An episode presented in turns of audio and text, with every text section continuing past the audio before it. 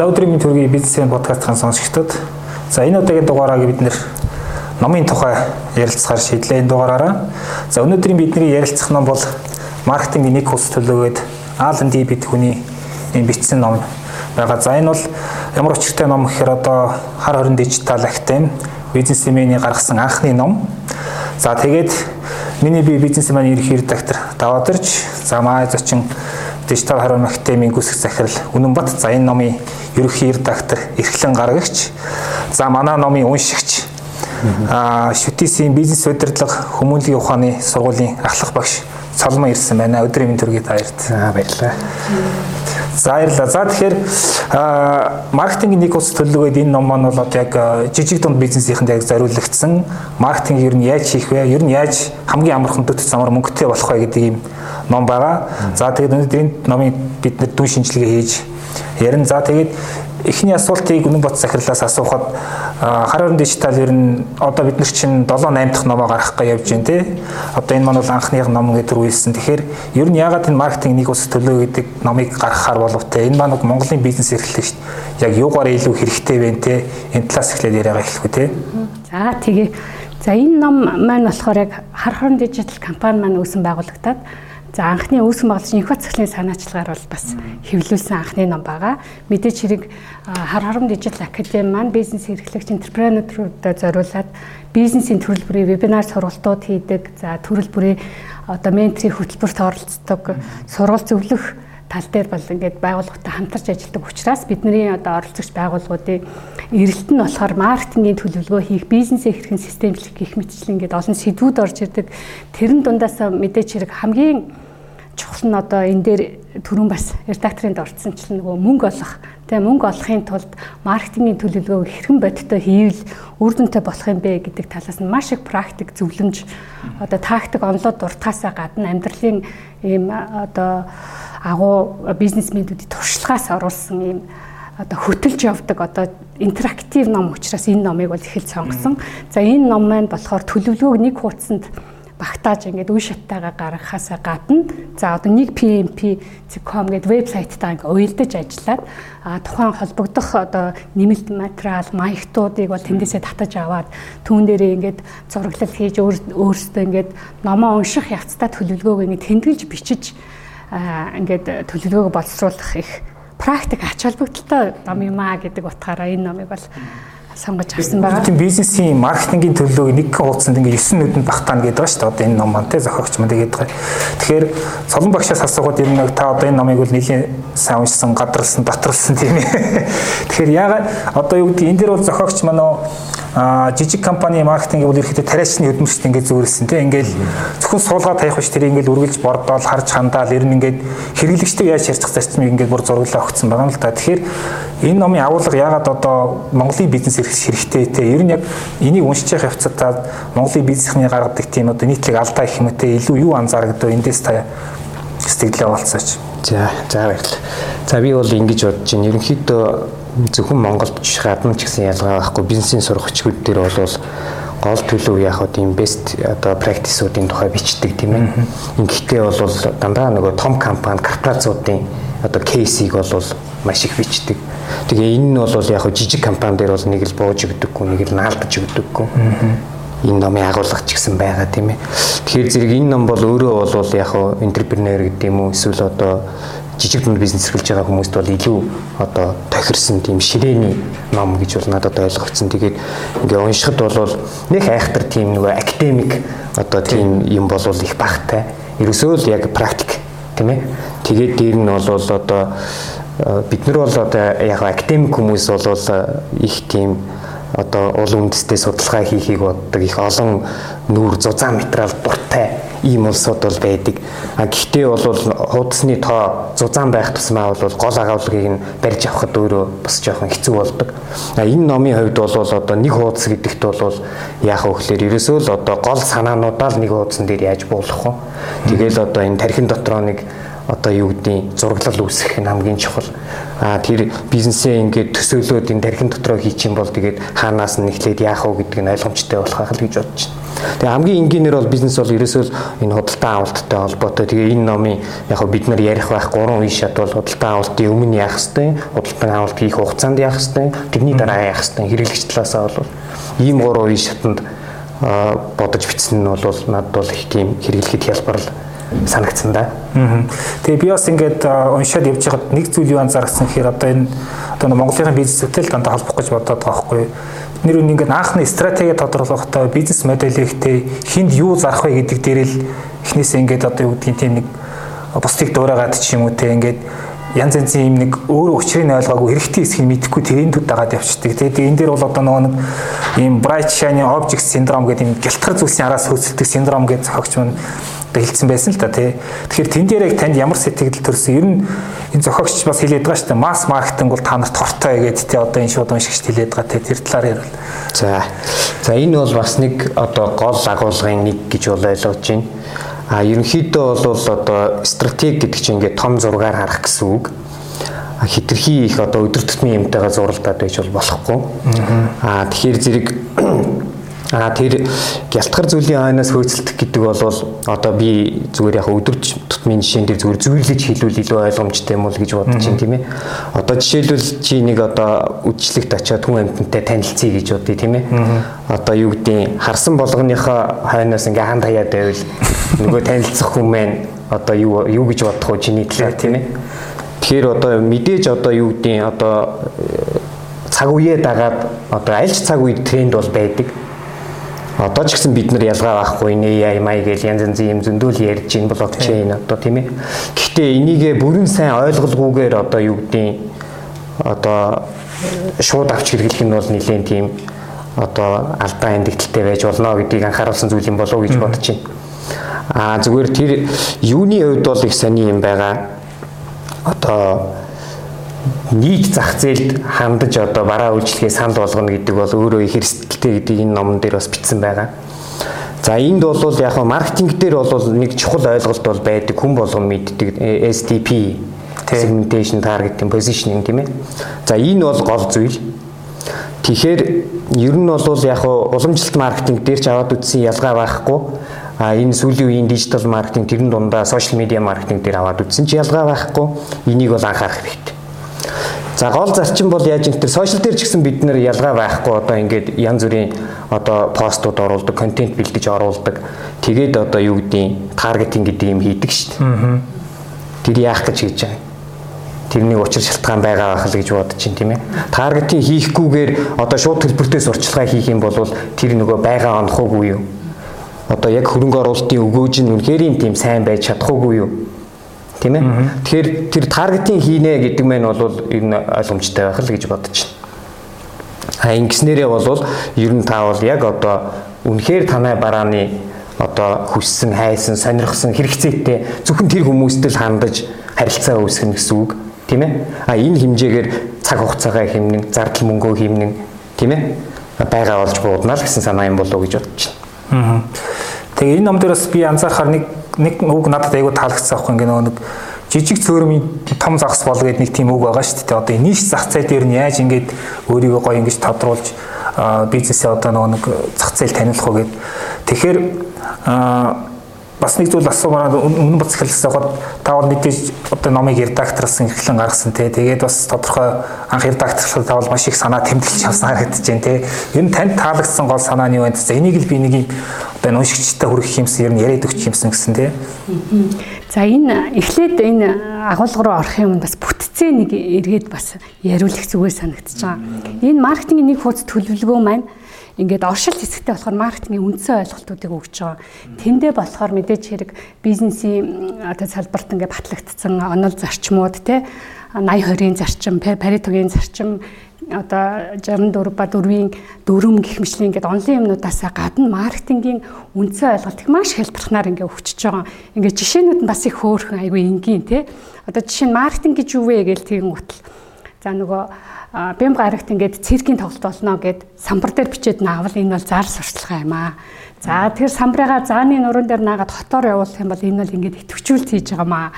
За тэгсэн чинь нөгөө заа маань яваад хотын даргын офисийнх нь урд зүлгэндээ өр ингээд туучаад явлаа гэд орон нутгийн мэдээ соннууд ингээд бичээд хэлэхээр энэ маань одоо орон нутгийн мэдээ юм аа.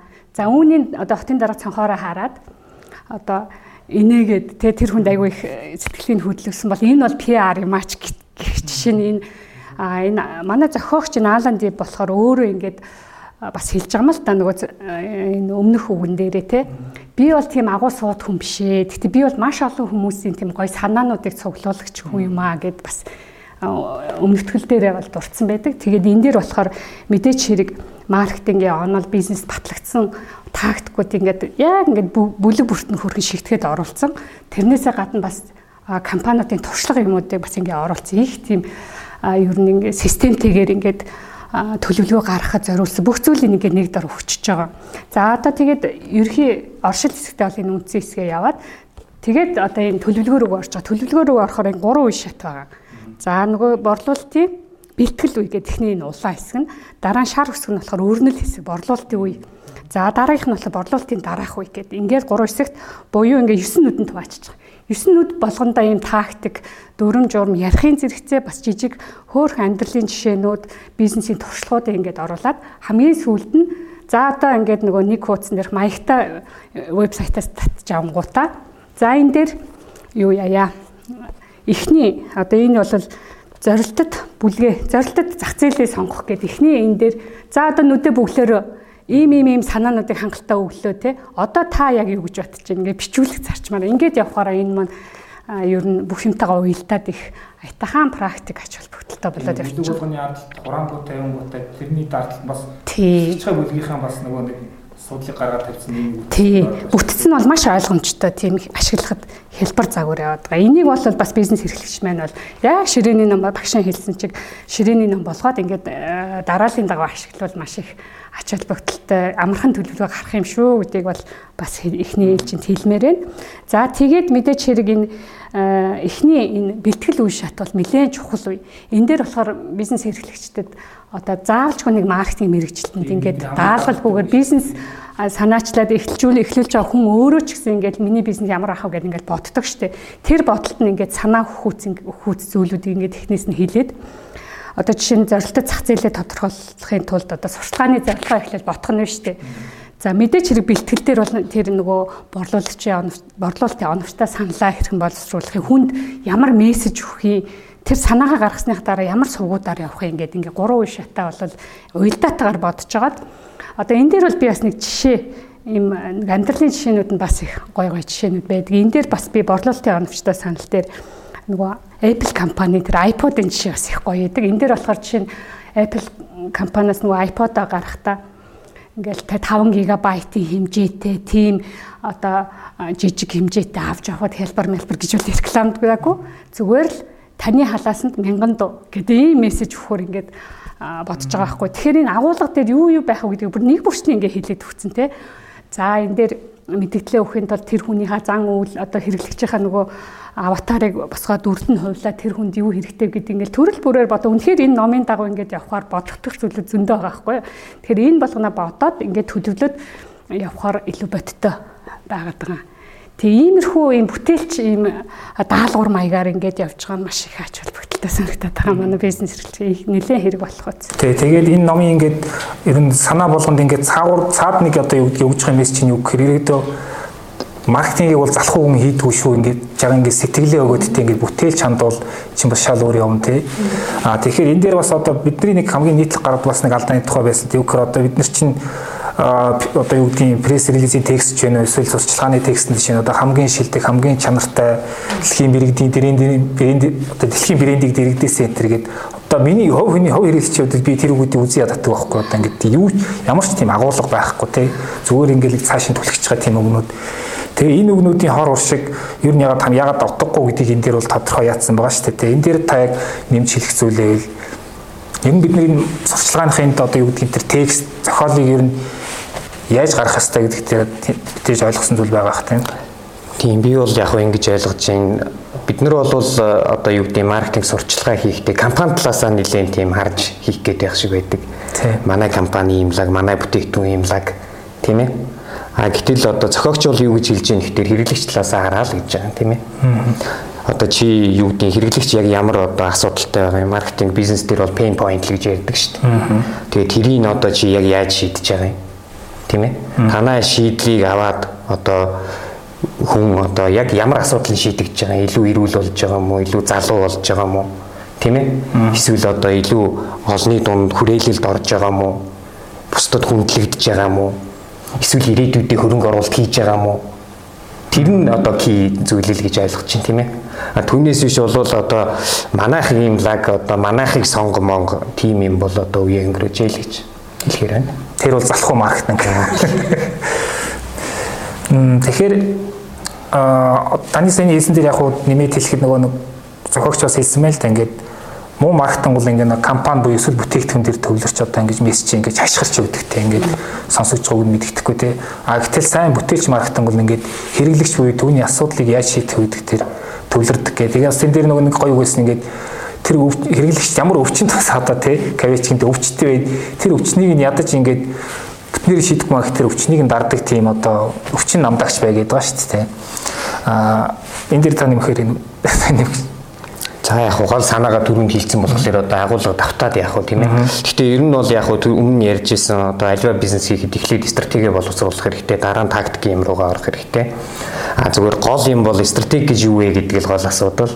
А маркетинг талаас бол одоо би бол тэгж боддог. Стратеги гэдэг бол аль болох одоо юу гэдэг ялгарл бий болгох, бусдаас өөрөөр сэтгэх. Тийм ээ. За энийг бол яг хөө зүгээр зүйрлэж хэлэхэд бол юм байгаа юм. Чи одоо ингээд хүний явсан замаар араас нь явбал хизээч урд нь гарахгүй. Аа. Ясаа гол юм л юм. Тэгэхээр чи өөр л юм бодож сэтгэх хэрэгтэй. Бусдыг дуурайж болохгүй. Энэ зүйл чухал юм болоо гэж байна. Аа. А энэ дээр бас нөгөө нэг одоо шууд хариу үйлдэл маркетингийн нэр томьёо яваад байна шүү дээ. Байн байн давтагч байгаа. Одоо англиар бол direct response marketing гэдэг. Энэ дээр маа уншигчтэй зүгээр таас хуваалцвал энэ нь яг юу гэсэн үг юм бэл? Аа. За би бол ингэж бодож байна. Одоо сүүлийн үед бол энэ э, нөгөө цаг үеэ дагаад гэдэг юм уу энэ дижитал маркетинг, сошиал медиа маркетинг гэдэг юм тухай ярьж явах шиг байна хүмүүс. Тэгэхээр зэрэг одоо шууд хариу үйлдэлт маркетинг гэдгийг бол одоо би тэгж бодож байна. Маркетингийн талаар ямар нэгэн одоо контентийг гэдэг юм уу одоо түгээхтэй тийм ээ. А зүгээр нэг контент түгээгээд ингээ орхичиж болохгүй А ямар нэгэн одоо тийм реакшн гэдэг юм уу хариу үйлдэл хийх хэрэгтэй. А тэр нь юу байж болох вэ гэхээр одоо форум бүглүүлж болно тийм ээ. Эсвэл одоо юу гэдэг заавал захиалга авах алба байхгүй одоо колл центр рүүгээ залгуулж болно, вебсайт руугаа хөтөлж болно тийм ээ. Ямар нэгэн байдлаар энийг бол яг хөтэ одоо тэгээд нөгөө дараа дараагийн бүлэгтэйгээ ч гэсэн эн чинь холбогдож байгаа одоо борлуулалтын сэжмийг үүсгэх, тэрийг бойжуулах энэ төр гэдэг тийм ээ. Тэгэхээр эн чинь нэг ясандаа л одоо юу гэдэг конвершн гэдэг чухал ойлголт байна. Зүгээр л нэг тийм мэдээллээр бөмбөгдөөд одоо бас тийм төдийлөн одоо үр дүнтэй биш. Яг та одоо тэр ямар үйлдэл хийх гээд байгаа юм тийм ээ. Тэр нь чухал. Тэрийг их баг хэмжээнд заавал одоо бодолцож үзэх ёстой л гэсэн ийм санаа юм болов гэж бодож байна. Аа. Тэгэхээр энэ дээр бас нөгөө нэг нэг ойлголт байгаа нь одоо үнийн тухай байгаа шүү дээ. Яаж одоо нөгөө нэг хэрэглэгч одоо өндөр үнэтэй байсан ч гэсэн тийм мөнгө төлөхөд бэлэн болох вэ гэдэг чинь айгүй чухал санаа байгаа шүү дээ. Тэрний тулд яах ёстой гэдэг дээр бас зохиогч тодорхой санаууд яасан байсан. Та энэ дээр дэлгэрүүлвэл за мэдрэмж болох гэх нэг юм яваад байгаа шүү дээ. За энэ дээр бол яг би олон юм бол ярьж болно зүгээр энэ номын агуулгаас чалээ явчих магадгүй. Ягаад гэвэл яг манай сургууль дээр бол үн бүрдэлтийн стратеги одоо тусдаа хичээл бол байдаг. Би тэрийг бол одоо заадаг. Монгол хэл дээр материал бол тэр болгон байдаггүй гадны сурагчдыг ашигладаг. А тэгээд тэн дээр бол одоо ер нь бол одоо баг бизнесийн бусад одоо энэ сургуулиудад бол тийм хичээл байдгүй байх гэж бодож байна. Би одоо юу гэдэг манай ганцхан ганцхан манай сургуульд байдаг. Тэгэхээр тэн дээр бол одоо нэлээ одоо том агуулга бол яригддаг. А зүгээр гол юм бол энэ нөгөө танай бизнес яг ямар бизнесийн хэрэглэгчид юу санал болгодیں۔ Тэрнээсээ л их хамаарах байх. Тэгээд одоо нөгөө түрүүн хэлжсэн STP ямар сегментэд юу санал болгож байна? Тэндээсээ л их юм хамаарах болов уу гэж бодож байна. Түүнээс иш бол одоо яг э, нарийн дотор нь задлж ярил э, тусдаас ид болчих واخа. Тэгэн л тий. Аа эндэл би нэмээд энэ номын агуулга дээрээс нэмээд хэлэхэд За эргээл нөгөө бид нар чинь нөгөө 3 үе шаттай 9 нүд төлөвлөх гээд байгаа тийм ээ. Тэгээ энэ үе шатн дээр болохоор эхний за одоо бэлтгэл хэсэгтээ бид нар болохоор зорилт зах зээлээ тодорхойлоод за тэгээд хэрэглэгчд өгөх одоо боломжит хэрэглэгчдэд өгөх мэдгдлээ бий болгоод за тэгээ тэрийгээ сурталчилгааны сувгуудаараа ингээд яаж хүргэх вэ, яаж хэмжих вэ гэдэг дээр ингээд эхний шатанд ажиллаж байгаа. За хоёрдугаар шатн дээрээ болохоор нөгөө өрнөл үе буюу нөгөө борлуулалтын сэжим үүсгэх бий болгох. За тэгээ борлуулалтын сэжмээ байжуулаад энэ энэ хүн худалдан авалт хийлгэж борлуулалт хийлгэнэ гэсэн ийм гурван шатанд бол явчихж байгаа. За дараах үе буюу борлуулалтын дараа бид нэг ингээд нэгэн тэрхүү мөнгөдлөөд манай хэрэглэгч болсон учраас харилцагчтайгаа ажиллана. За энэ явцтай болохоор мэдээч хэрэг үйлчлэгээ сайжруул дэлхийн түвшний сайн үйлчлэгээгээ бий болгоно. За дараа нь одоо нөгөө хэрэглэгчийн насан туршийн үндсэнийг өсгөх гэж юм яриад байгаа. Яг энэ хэсэгт бол саяны үн өсгөх чи ороод ирж байгаа. Яг тэр үйлчлэгээ маань ингээд сайжирчлаа дэлхийн түвшний одоо технологи оруулаад ч юм уу те ингээд маш сайжруулсныхаа дараа хэрэглэгч маань юу хүсэж байгаа. Тэгэхээр дараагийн шатны дараагийн илүү үнэтэй бүтээгдэхүүнийг бид нар тэр хүн санал болгоод ер нь бол үнэ өсгөх гэдэг чинь энэ дээр илүү хэрэгжиж байгаа. Яг энэ үе шатн дээр. За тэгээ хамгийн эннийхээ дараагийн үе шатнд болохоор мэдээч хэрэг хэрэглэгчтэй бид нар ингээд одоо юу яа ингээд нөгөө юу яам гэж ярьдаг штэ. Халамжлах гэж ярьдаг чинь халамжлаад ингэж ирснийхаа дараа нөгөө хэрэглэгч маань бид нарыг одоо бусдад санал болгодог бидний нөгөө улаан фэн болох. Ер нь бол энэ номын зорилго бол ерөөхдөө ийм байж байгаа. Тэгэхээр яг үн өсгөх болохоор мэдээч хэрэг үйлчлэгээ сайжруулах дараагийн шатны үйлчлэгээ гаргаж ирэх дараагийн шатны үйлчлэгийг илүү үнэтэй байхад тэр хүн бол авнаа л гэдэг ойлголт энэ дээр орж ирж байгаа. Тэгээ нэг үн гэдэгтэй холбоод яхад одоо бас нэг юм гэдэг чинь одоо хүн ингээд дэлгүүр ороод тодорхой бараа бүтээгдэхүүн эсвэл нэг газар үйлчлэл яваад гарахад бол тэр одоо юу гэдгийг тэр хүн аваад гарахдаа юу авдаг гэхээр бүтээгдэхүүн биш тийм ямар нэгэн сэтгэл ханамж авч байгаа нь хэрэг тэр хүний сэтгэл ханамж нийцсэн одоо үйлчлэг юм уу бараа бүтээгдэхүүн хийж чадвал тэр хүн бол нэг одоо мөнгөнд нэг санаа зовоод байхгүй тийм ялангуяа энэ нөгөө нэг Монголын зах зээлсэн жижигхэнтэй ингээд одоо жишээ нь ресторан нэг хүн нэг удаа орж ирээд явахаар тэр бизнесөд явахгүй шүү дээ. Ядаж ингээд нэг хэрэглэгчийн тал хувийн дахиж орж ирж байж тодорхой ашигын маржны барин тэр үед тэр үднээс ингээ нөгөө нэг харилцагчийн үйлчлэг гэдэг юмтай холбогдоод яг тэгэхээр манайх ингээ харилцагчийн үйлчлэгийн ач холбогдлыг маркетингтэй холбож ойлгохдоо муу те. Харилцагчийн үйлчлэгийн маркетингийн нэг чухал тийм одоо хэрэгсэл их юм уу? Эсвэл зүгээр тэр маркетинг явуулах тийм баг тийм хэв маяг хэлбэр нэгдийг сайн ойлгохгүй л байх шиг юм л да тий. За үн гэдэг дээр би зүгээр нэг хоёр санаа нэмчт юм уу гэж бодож байна.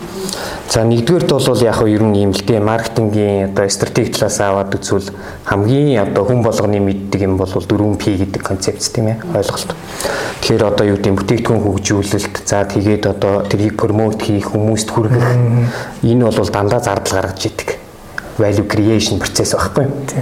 А үн тогтооно гэдэг чинь бол value harvesting өөрийнхөө бий болгосон одоо үн цэнийг одоо хурааж авах гэдэг юм уу гэдэг.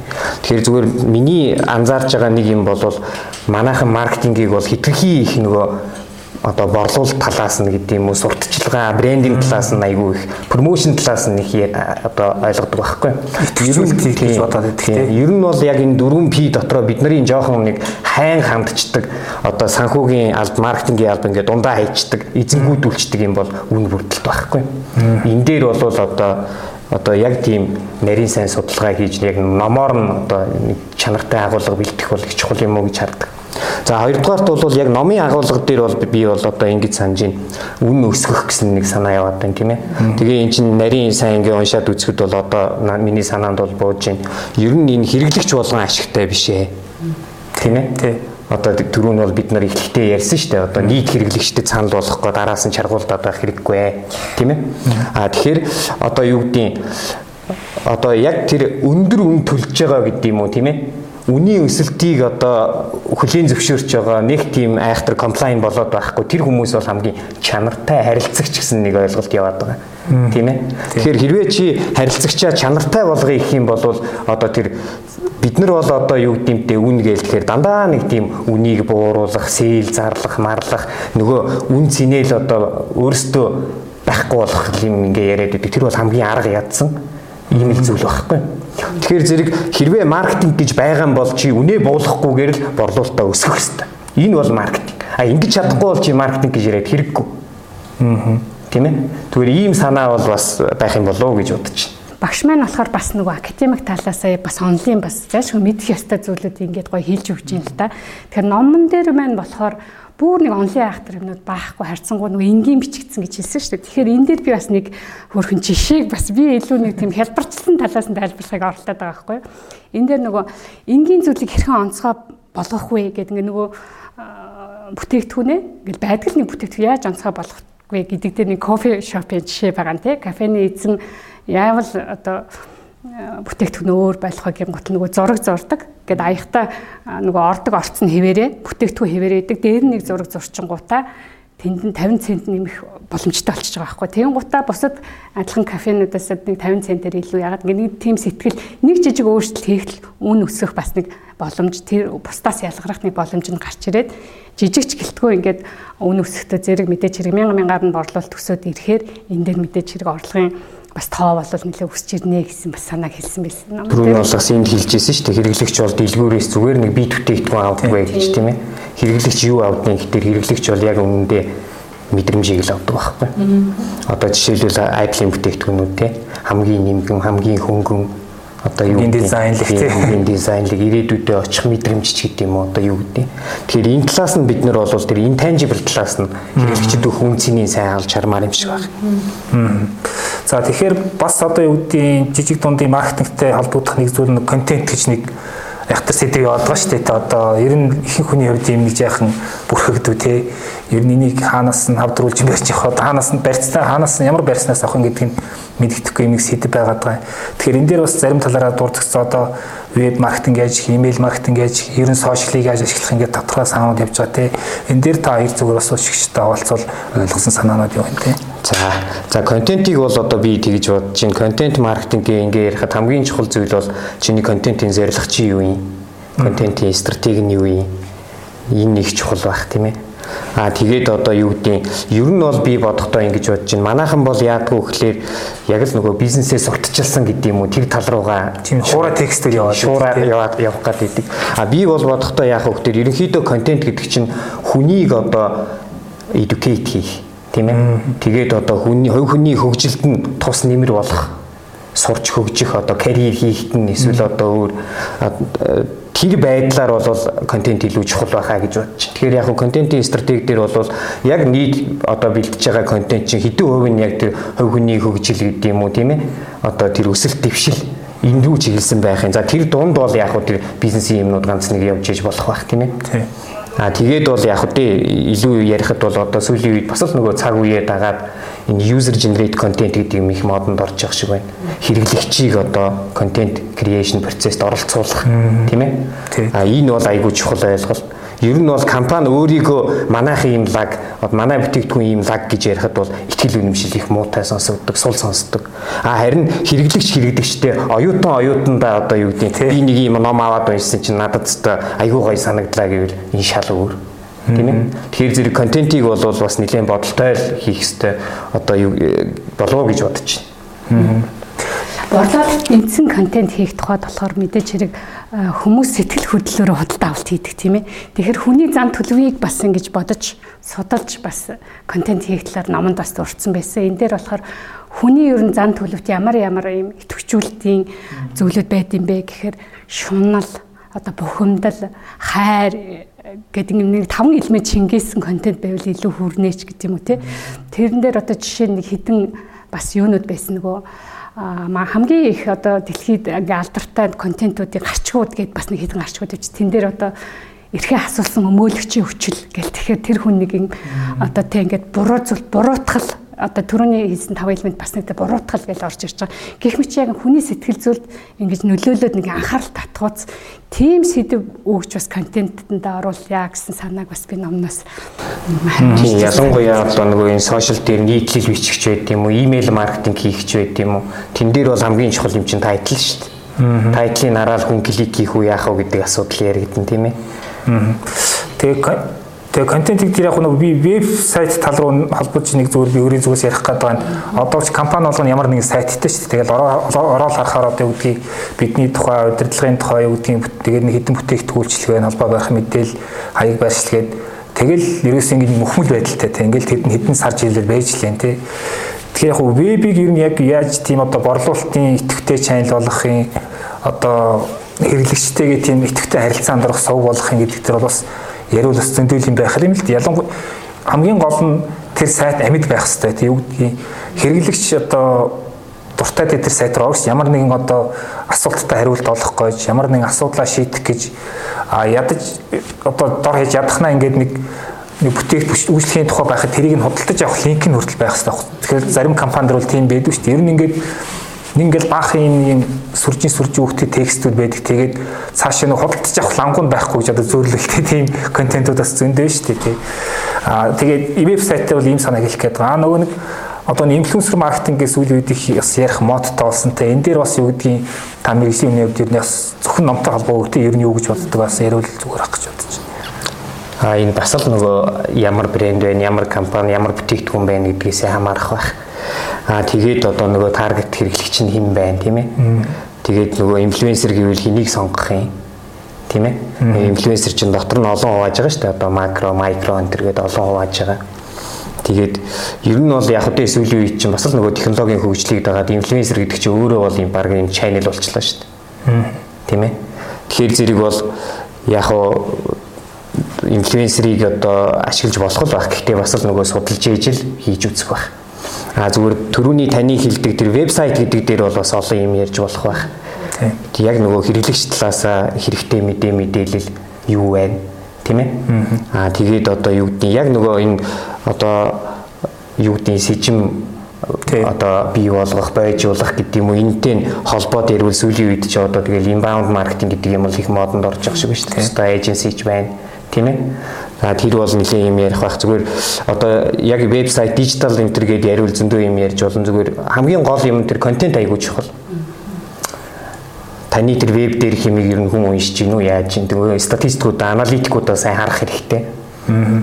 Аа тэгжээж яаж сайжруулах вэ гэдгээ бодох хэрэгтэй. Эн чинь эргээд нөгөө хайлтын системийн оновчл интертэйгээ холбогдчихно. Тийм ээ. Бүхэл бүтэн том бүрээс гарч байгаа тийм хэддүгээрт гарч ирэх үү гэдэг бүх юм чинь шалтгаална. За яг хөө зүгээр энэ маркетингийн чиглэлээр бол олон хурал конференц элдв янзын юм болдог, сургалт мургалт болдог. Гэхдээ бидний нэг жоохон орхитуулчаад байдаг зүйл бол жишээлбэл одоо энэ backlink гэдэг асуудал байхгүй. Backlink гэдэг юм яаж бий болох вэ гэдэг бол хайлтын системийн онцлог дээгүүр гарахад айгүй их нөлөөлж идэг. Тэгэхээр одоо жишээлбэл юу гэдгийг би нэг одоо фэшн загварын салбарт ажилладаг хүн байлаа гэж одоо одоо бүтээгдэхүүн санал болгодог тийм ээ. Тэгвэл яг загварын хамгийн үеийн сүүлийн үеийн трендүүдийн талаар тийм одоо э, мэдээлэлээр хангадаг тийм портал сайтууд элдв янзын чаналууд байж болно шүү дээ сувгууд. Тэгвэл тэр сувгууд дээр би жишээлбэл яг хүнд хэрэгтэй тийм одоо нийтлэл байд юм уу юу байд юмнуудыг бичээд а ингэхдээ би давхар нөгөө өөрийнхөө вебсайтыг рефер хийж болно шүү дээ. А ингэжээж өөрөөр хэлбэл одоо нөгөө яг хэр тийм нөгөө олон улсын хэмжээний гэдэг юм уу одоо нэр хүндтэй хайлтын системийн хэд дээр гарч ирж байгаа вебэд одоо танай вебсайт иш татагдж байна гэдэг чинь өөрөө нөгөө Google-ийн алгоритмд айгүй чухал байдаг. Танай одоо вебсайт одоо хэд дээр жагсах вэ? Энийг бол бас яриул зөндөө юм болох байх вебсайт дээр нэмээд хэлэхэд яг уу одоо бидний одоо хэрэгжилж байгаа энэ сошиал сувгууд маань илүү идэвхтэй юм шиг харагдаад байгаа боловч бидний вебсайтын бол үнц нь ерөөсө буураагүй. Энэ бол маш чухал маркетингийн бол онцгой совог виртуал офис тийм мэдээч хэрэг янз бүрийн сошиал сувгуудаар юм явсан ч гэсэн эргээд ландинг пэйж гэж ярьдаг те газар дах хуудас вебсайт руу орно. Вебсайт руу зочлоод ирэхээр дата анализа хийгээд үзэхээр ямар контент маань илүү үзэлттэй байгаа. Одоо ямар юм хүн сонирхоод байгаа. Эндээс маш олон судалгааны дараа дараагийн контентаа төлөвлөх, үйл ажиллагаагаа төлөвлөх. За тэгэл хайлтын систем оновчлолд яаж э, бид нэр оновчтой байх ингээд маш олон маркетинг стратегиудээ энэ одоо дижитал уул мөрөө шинжилж үзсний үндсэн дээр хийх боломжтой. Эний чинь л одоо вебсайтаас гаргаж авч ашиглах нь айгүй чухал байгаа. Гэхдээ вебсайт бол тийм аргуудын зөвхөн одоо нэг нэг хэлбэрийн шүү дээ тий. Ер нь яг бидний одоо нэг бас нэг э, алдаа гаргадаг зүйл нь ингээд маркетингийн тодорхой төлөвөө гаргаад төсөв зарцуулаад ингээд одоо буст муст хийе юу гэдэг чинь эсвэл инфлюенсер үүслээд ингээд реклам сурчлагаар роликоо цаасан тий. Гэтэл тэрийг ингээд тэр бүхнээ буцааж нөгөө нэг хэмждэг тийм одоо юу гэх юм бараг сэтгэлгээ гэх юм уу тэр нь юусаа сайн төлөвшөөгүй те. Янз ингээд уг нь бол дижитал төлөвүүд бол ингээд зөндөө байгаа те. Тэгтэл ингээд яг тэрийг буцаагаад хэмждэггүй тэрийг яг нөгөө нэг борлуулалтын сэжмээ тордох гэдэгтэйгээ ууж чаддгүй бас нэг тийм нэг алдаа байгаа. Тэгэл ингээл юу болсон мэддэхгүй ингээл нэг хөнгө дарт зацчдаг те. Энд дээр зүгээр та бас нэмж зөвлөх. Ер нь яг бид нар яаж одоо яг хамгийн шаардлагатай нэг 3 4 тоогоо ингээд байнга авч яадаг болох уу те гэдэг гэдэг ч юм уу. Тий одоо энэ дээр бол яг хөтэ сүүлийн нөгөө дижитал сошиал медиа гэж хамгийн том давуу тал нь гарч ирж штэ. Маркетинг метрикс гэдэг юм уу тэр гүйцэтгэлийн бүх юм чинь аналитик болчихлоо штэ. Тэгэхээр тэр аналитик төлсүүдтэй л сайн ашиглаж чаддаг. Тэр одоо юу гэдгийг задлан шинжилж нэгтгэн дүгнэж чаддаг, шийдвэр гаргахтаа ашиглаж чаддаг юм л болох хэрэгтэй байна. А бүр advanced түвшинд очих юм бол одоо энэ Google мөгийн янз бүрийн сертификаттай сургалтууд байдаг шүү дээ. Тийм юмд сууж одоо өөрийгөө хөгжүүлэх л асуудал яригдах байх. А зүгээр түрүү нь бол бид нар ярьж байна одоо энэ вебсайт гэдэг юм уу одоо тэгэл mail ID-ийн жагсаалт байдаг юм уу. Энэ бусад зүйлүүд бол энэ номон дээр юу гэж гарах вэ гэхээр эн чинь компани iSettle гэж гарч байгаа шүү дээ хөрөнгө. Тийм ээ. А тэгээд бол яг үгүй зүгээр яг нөгөө жижиг дунд бизнес эрхлэгчдэд одоо энэ онцлогод э, та нийцүүлсэн гэдэг өнцгөр нь харах юм бол магадгүй компани болгон вебсайт одоо develop хийгээд тэгээд ингээд арчил тордоор байж чадахгүй юу тийм ээ. Вебсайтаа байг гэхэд ихний ээлжинд ядаж нэг блогийн асуудал байж болно шүү дээ. Бизнес блог. А дараа нь тэрийг одоо вебсайт болгоод юм уу яа дэ ингэ явж болох байх л та. Тэгэхээр яг нөгөө э, компаниасаа л хамаарах. Аа. Тий, тэгээд энэ ном дээр яг уншиж байгаад над нэг ямар санаа төрсөн гэхээр одоо манай зах зээл чинь бол ингээд дистрибьютор компаниуд маш олонтэй ингээд тодорхой бэлэн брендийн бүтээгдэхүүнгөд борлуулдаг те. Одоо нэг нэг юм зурагт байлаа гэхэд тэгээд нөгөө инх захилч гэсэн ярьж ирсэндээ ингээд BSB дээр ингээд нөгөө нэг гомдол яаж ирдэг гэхээр ингээд нөгөө нэг заавар уншихгүйгээр та ихэнх эвдрэл гардаг те. Тэгээд яг ингээд очиод үзэхээр ерөөсөө тэр заавар уншааг ингээд яадаг те. Тэгэхээр одоо тэр контент маркетингтэй маркетингийг одоо дистрибьютор компаниуд яаж ашиглаж болох вэ гэдгийг шууд одоо энэ зурагт одоо баг үзүүлэлт ярьдаг шүү дээ. Тим өргөнтэй тэдэн дүүм юм одоо энэ амар хурц тод бий гэдгийнтэй ингээд супер гэд тэрний орон зүгээр л энэ зурагтыг яаж зөв ашиглах вэ? Ер нь зурагтыг яаж зөв ашиглах юм? Ингүүл яах юм те. Одоо жишээ нь ноолурын цамцыг ядаж ингээд яаж арчлах юм гэдэг зааврыг зүгээр тэр нэг пакэж дотор нь хийчихэл баг болж байгаа хөх тэр чи ингээл өөрөө ингээд тэр бүтээгдэхүүний үн цэнийгтэй яг ижилхэн үнэтэй өөр ноолурын цамц байх зааваргүй байхад тэрийг л авч таарна шүү дээ. Нөгөө нэг үний мэдрэмж болно гэдэг чи бас энтэй холбогдоод явах хэл та тий. А тэгээд ер нь яг зүгээр бас юу тодруулж асуух гээд нэхэр манай эдийн засгуул ерөөхдөө худалдааны эдийн засаг тий. Тэр дотор ядуугийн дистрибьюторүүд их байдаг тийм эдийн засаг боловсруулах үйлдвэр бол манайх тийм инновац гэдэг юм их байж төлөвшөө шүү тийм соёл байхгүй. Тэгэхээр зүгээр дистрибьюторууд ингээд хоорондоо маш олон ижил төстэй бүтээгдэхүүн байна. Тэгэл бүгдээрээ л нөгөө нэг хамгийн шилдэг, хамгийн чанартай, хамгийн сүүлийн дэвшил технологи технологи хэрэгэлдэг те. Одоо намайг хараач хэлдэг. Тэгэхээр зүгээр яг энэ номын агуулгатай уялдуулаад ярихад энэ хооронд ижил төстэй дистрибьюторын бүтээгдэхүүнүүд бас нэр яаж бүтээлч маркетинг хийж болох вэ гэдэг дээр төрсэн санаа байлгаа олцооч гэх байна. За за энэ бол нэлийн хүнд асуулт болж байгаа шиг байна тийм ээ. Аа за яг зүгээр гол юм болвол нөгөө нэгнийгээ одоо өрсөлдөгчөө үгүйсгэж одоо юу гэдээ давуу тал өөрийнхөө бүтээгдэхүүний давуу талыг гаргаж маркетинг хийх оролдлого их бат хэмжээгээр байгаад байх шиг байдаг. Тэр бол бас л нөгөө этик гэдэг юм уу янз бүрийн юмтай холбогдох байх. Аа зүгээр яг тухайн нэг компани дээр одоо юу гэдээ яаж нөгөө ялгарлыг бий болгох уу ярих уу гэвэл энэ бол бас нэлээд судалж үзчихэж хариулах юм баха. Тийм. Тэгэхгүй бол одоо яг генерал байдлаар хариулахад бас жоохон зовлонтой асуулт юм уу гэж бодогч. Би зүгээр яг нэг нөө Samsung-ийн нэг тийм рекламыг сан санаж нөгөө нэг энтхийн зах зээл дээр зориулагдсан тийм реклам байсан. Ингээд аа юу яаж байгаа байхгүй юу? Тэр Samsung-ийн зурагтыг засах гээд нэг юм засварч ингээд машинтайгаа явж байгаа. Тэгсэн чинь замд нь ингээд баахан өхрүүд ингээд зогссон зам дээр нь. Тэгээд тэр чинь интгчүүд тэр чинь хөөгд явуулах болохгүй шүү дээ. Тэгэл хүлээхээс аргагүй те. А гэтэл цаана зурагтаа засуулах гэж байгаа хэдэн хүүхдүүд нь ингээд нэг амар гой шоу хүлээгээд авах тэр шоугаар ингээд нэг найз нь ингээд дуулах гэж байгаа. Тэгвэл тэр шоу үзэгч хүүхдүүд бүгдээрээ ингээд хараагүй хараа байхгүй. Тэгсэн мөртөө дуу хоолойг сонсох байгаа байхгүй. Тэгэл яг шоу эхлэхийн өмнөх нь нөгөө засвар чин чин амьсгаадаа гүйж очиод нөгөө нэг юм гяс засч өгөөл тэгэл баярлаа гэд яг тэр бол ингэ юм юм одоо юу гэдгийг те зүгээр нэг тэр зургтын тухай ч тэр чин шал өөр өөр сэдвийн тухай байгаа байхгүй те гэхдээ тэр зургтыг суралцсан тэгэл зүгээр тэндний Samsung гэдэг л үг зөвлөлд нь гарч байгаа хөх тэр роликийн. Тэгээ тэгээд энэ санааг бас манай уншигчид бас ер нь марк жинхэнэ маркетинг тэгж хийдэг шүү гэхдээ. Тийм ер нь бол яг нөгөө түрүүн ярьжсэн контент гэдэг дээр яг нэмж хэлэхэд их хэл байх л та. Эхлээд одоо тэр контент чинь хүний анхаарлыг яаж татах юм? Тийм ээ.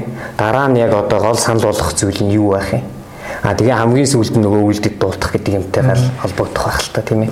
Тэгээ бас нэг яг бид нарын нэг ярих сэдв бол ер нь энэ маркетингийн юу номны зорилго ч гэсэн агуулга ч гэсэн юу байгаа гэхээр бизнес гэдэг чинь бол бараа үйлчлэгийг хэрэглэгчдэд санал болгоод ингээд дуусчдаг юм биш ээ. Харин ч бараг юу гэдгийг хэрэглэгчд бараа үйлчлэгийг өгөөд бизнес бол дөнгөж эхэлдэг гэсэн санаа бас яваад байгаа шүү дээ. Тэгээ гол орлогоо бол юу гэдэг нөгөө нэг retention гэдэг юм уу тийм одоо хадгалагдаж үлдсэн гэдэг юм. Хуучин хэрэглэгчээс олдог байдаг гэсэн тийм ээ. За яг хөө тэр бол энэ номын сүүлийн бүлгүүд рүү яригдах байх. Гэтэ бол яг одоо энэ номыг уншиж байгаа хүмүүс бол бас тэрийг анхаарч уншвал бас нэлээд юм бодогдохоор юм уу гэж санагдсан. Тэгээд одоо энэ маань яг бас нэг гол санаа нь хилээд байгаа энэ энэ дээр одоо заагдсан тэр маркетингийн санаа арга хэрэгслүүдийг хамгийн гол нь бага мөнгөөр хийж болно гэдэг ба шүү дээ. Саяны миний ярьсан тэр одоо мэдээж Samsung-ийн тэр чинь одоо масс маркетинг одоо зах зээл зориулсан өндөр төсөвтэй тийм одоо маркетингийн агц. А гэхдээ энэ бол одоо бага мөнгөөр хийж болох ийм зүйлүүдийг яриад байна гэдэг ба шүү дээ. А тэгэхээр үн бац эхлээс сагууд ер нь яг одоо энэ ном маань гараад 5 6 жил болчлоо тий.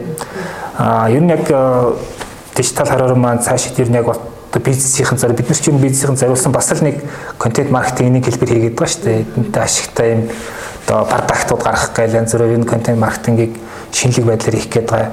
Ер нь яг дижитал хараар нь цааш дээр нь яах төлөвлөгөөтэй байна те. Ер нь яг энэ бизнес эрхлээ зориулсан контент За хар харам дижитал академи нь үүсгэн байгуулагдсан үеэсээ эхлээд одоо онлайнаар бизнес эрхлэлтэд зориулаад вебинар сургалтууд хийж эхэлсэн. За эхлээд бол танхимаар бид нар бас янз бүрийн сургалтууд хийж исэн. Ковид гарснаас хойш бид нар огцом онлайн руугаа шилжээд одоо бизнесийн вебинар сургалтуудыг явуулж ирсэн. Энэ дээр болохоор одоо бид нар 3 жил тасралтгүй вебинар сургалтуудаа хийгээд за энэ сургалтуудаа яаж хийдвэ гэхээр мэдээч хэрэг манай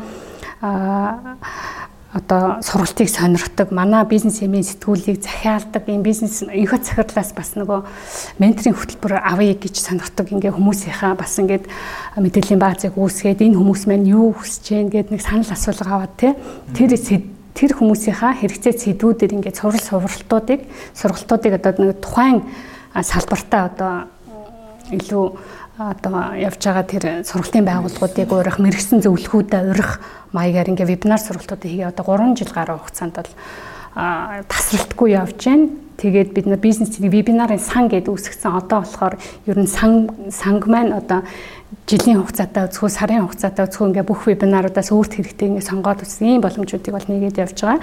За нөгөөх маань болохоор энэ номын эрхлэн гаргах үйл ажиллагаатай холбоотойгоор бид нар бас үүнийг өргөжүүлээд Books.nm гэдэг вебсайтаа одоо ажилуулад энэ хичээлийн жилээс эхлээд одоо хар хором дижитал академиас одоо инфо цахилын одоо яг сонгож орчуулсан тийм ээ бид нэр эрхлэн гаргаж байгаа ийм номуудаа бол одоо энэ вебсайтаар дамжуулаад борлуулдаг болсон. За Books.nm гэдэг вебсайт маань одоо ямар зорилготой вэ гэхээр бид нар бас нөгөө бизнесийн одоо дэлхийд алдартай номуудын хураангойг бас энэ дээр орчуулж нийтэлдэг.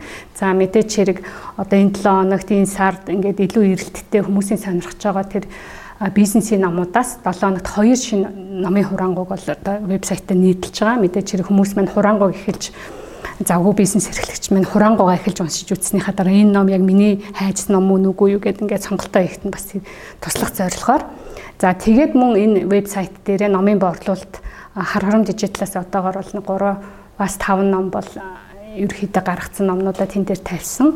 За энээс гадна бусад одоо зөвлөхүүдийнхаа хамтран ажиллагчдынхаас номуудыг энэ вебсайтаараа дамжуулаад бас юм борлуулах маягтайгаар ингээд вебсайтаас хөгжүүлээд явж байгаа. Publishing тал руугаа. Тий, publishing тал руугаа тий. Тэгээ ер нь бол манай энэ бизнес цэнэг гээд одоо юм гişүнчлэлийн үйлчлэгээ одоо ингээд нэвтрээд эхэлж байгаа. Энэ маань болохоор мэдээч хэрэг манай номуудыг хөнгөлтөө үнээр авдаг. За манай вебинарын санг чөлөөтөө үздэг, зөвлөхүүдтэйгээ одоо сургалтын сошиал сүлжээг хаалттай сүлжээн дээр хоорондоо мэдээлэл солилцдог. За тэгээ манай одоо энэ хар хор маркетинаас зохион байгуулж байгаа аливаа арга хэмжээнүүд дээр бид нар бас гişүүдийн арга хэмжээг тусдаа зохион байгуулдаг. Бусад арга хэмжээндээ хөнгөлтөө өгдөг ч юм уу те. Гişүүдтэй бол илүү одоо тэдний хэрэгцээг хангахаас тийм бизнесийн одоо зөвлөх талын одоо үйлчлэгээнүүдийг холбох за биднээс гарч болох зүйлүүдээрээ бас үйлчлэх зэрэгээр ингээд үйл ажиллагаагаа өргөжлүүлээд явж байгаа. За за тэгэхээр бид гурав бол ерөөхдөө энэ номын одоо нэг хэсгийг л одоо өөрсдөө таалагдсан санаанууд дээр л толгуурлаад тойроод ярьчлаа. Энэ дэр бол өөр ярих одоо санаа авах маш олон юм байгаа. Нийт одоо 3 юм хэсгээс бүрдсэн юм 9 одоо бүлэгтэй юм ном байгаа. За тэгээд энэ маань одоо дижитал хорон академийн анхны ном. За одоо бид нар бол ямар ч гэсэн 7 ном ингээд хэвлэлтээс авчаад 7 дахь номоо гаргачаад 8 дахь ном нь хэвлэлд өргөдөж гээ. 9 дахь номоо редакторлж гээ. За би бол одоо энэс хойших номыг нь бол одоо бүгдийг нь редакторлаад явж байгаа. За манай цолон багш л одоо төс компани бүтээх нууц э төрөгдлгээд хоёр номыг бас доторлоод уншчихсан тий бас ингээд тэнд бол маш гоё тэн дээрээс маркетингийн хувьд авах маш олон гоё гоё санаанууд байж байгаа. За тэгээд дараа нь бид нар бас одоо ирчгээд ийм мондог Жено Викман гэдэг хүний бичсэн дөрвөн цуврал номыг орчуулад эрхлэн гаргаад одоо баг дуусж байна. За тэгээд ямар ч ихний одоо бид нар бол борлуулалт гаргаагүй мэдээл цацаг байгаа. Гэхдээ цолон багшд ямар ч гэсэн ихний цувралыг ингээд бэлгэлж дээжээс бэлгэлээ. Тэгээ ирч энэ бол одоо ирч цувралын гол ном нь за үүсгэн байгуулагч Сионер за топ менежер зориулагдсан. Ер нь бизнесийг яаж системтэй хийж яг тэр машин шиг эрчийг авахулж явуулах вэ гэдэг ийм гол санаатай ном байгаа. За тэгээд өнөөдрийн бидний ярьсан бол маркетингийн нэг хуц төлөвлөгөө гэдэг ийм гайхалтай ном балиа жижиг тунд бизнесхэнд зориулсан. За энэ дээр нэмээд нөгөө зохиогч байгаа тухай бас товч дуртахгүй бол бас болохгүй байх тийм ээ. Алан Диб гэдэг энэ маркетингийн нэг хуц төлөвлөгөө номын зохиогч маань болохоор за өөрөө бол одоо мэдээллийн технологи харилцаа холбоо маркетингийн чиглэлээр ингэж бизнесүүдийг эхлүүлээд за бизнесийн өсөлт хийгээд ингээд нэлээд туршлагатсан энтерпренер хүн за мөн маркетер зөвлөх хүн байж байгаа. За тэгээ энэ хүн маань болохоор одоо энэ successwise.com гэдэг вебсайтаараа дамжуулаад энэ номынхаа үргэлжлэлийг тэр вебсайтаар онлайн курс хийсэн, байнга ньюслетерээр ингээ нийтлээ өгчээд энэ маш тийм интерактивны ийм одоо ажилдаг ийм мундаг зөвлөх байгаа. Тэгээд энэ зохиогч маань өөрөө бас маркетингийн ч илүү туршлагатай учраас за хэрвээ хүсвэл бас энэ номынхаа хүрээнд зөвлөгтөө ингээ ажиллах боломж нь байж идэг гэдгийг бас нэмжлэх гэсэн.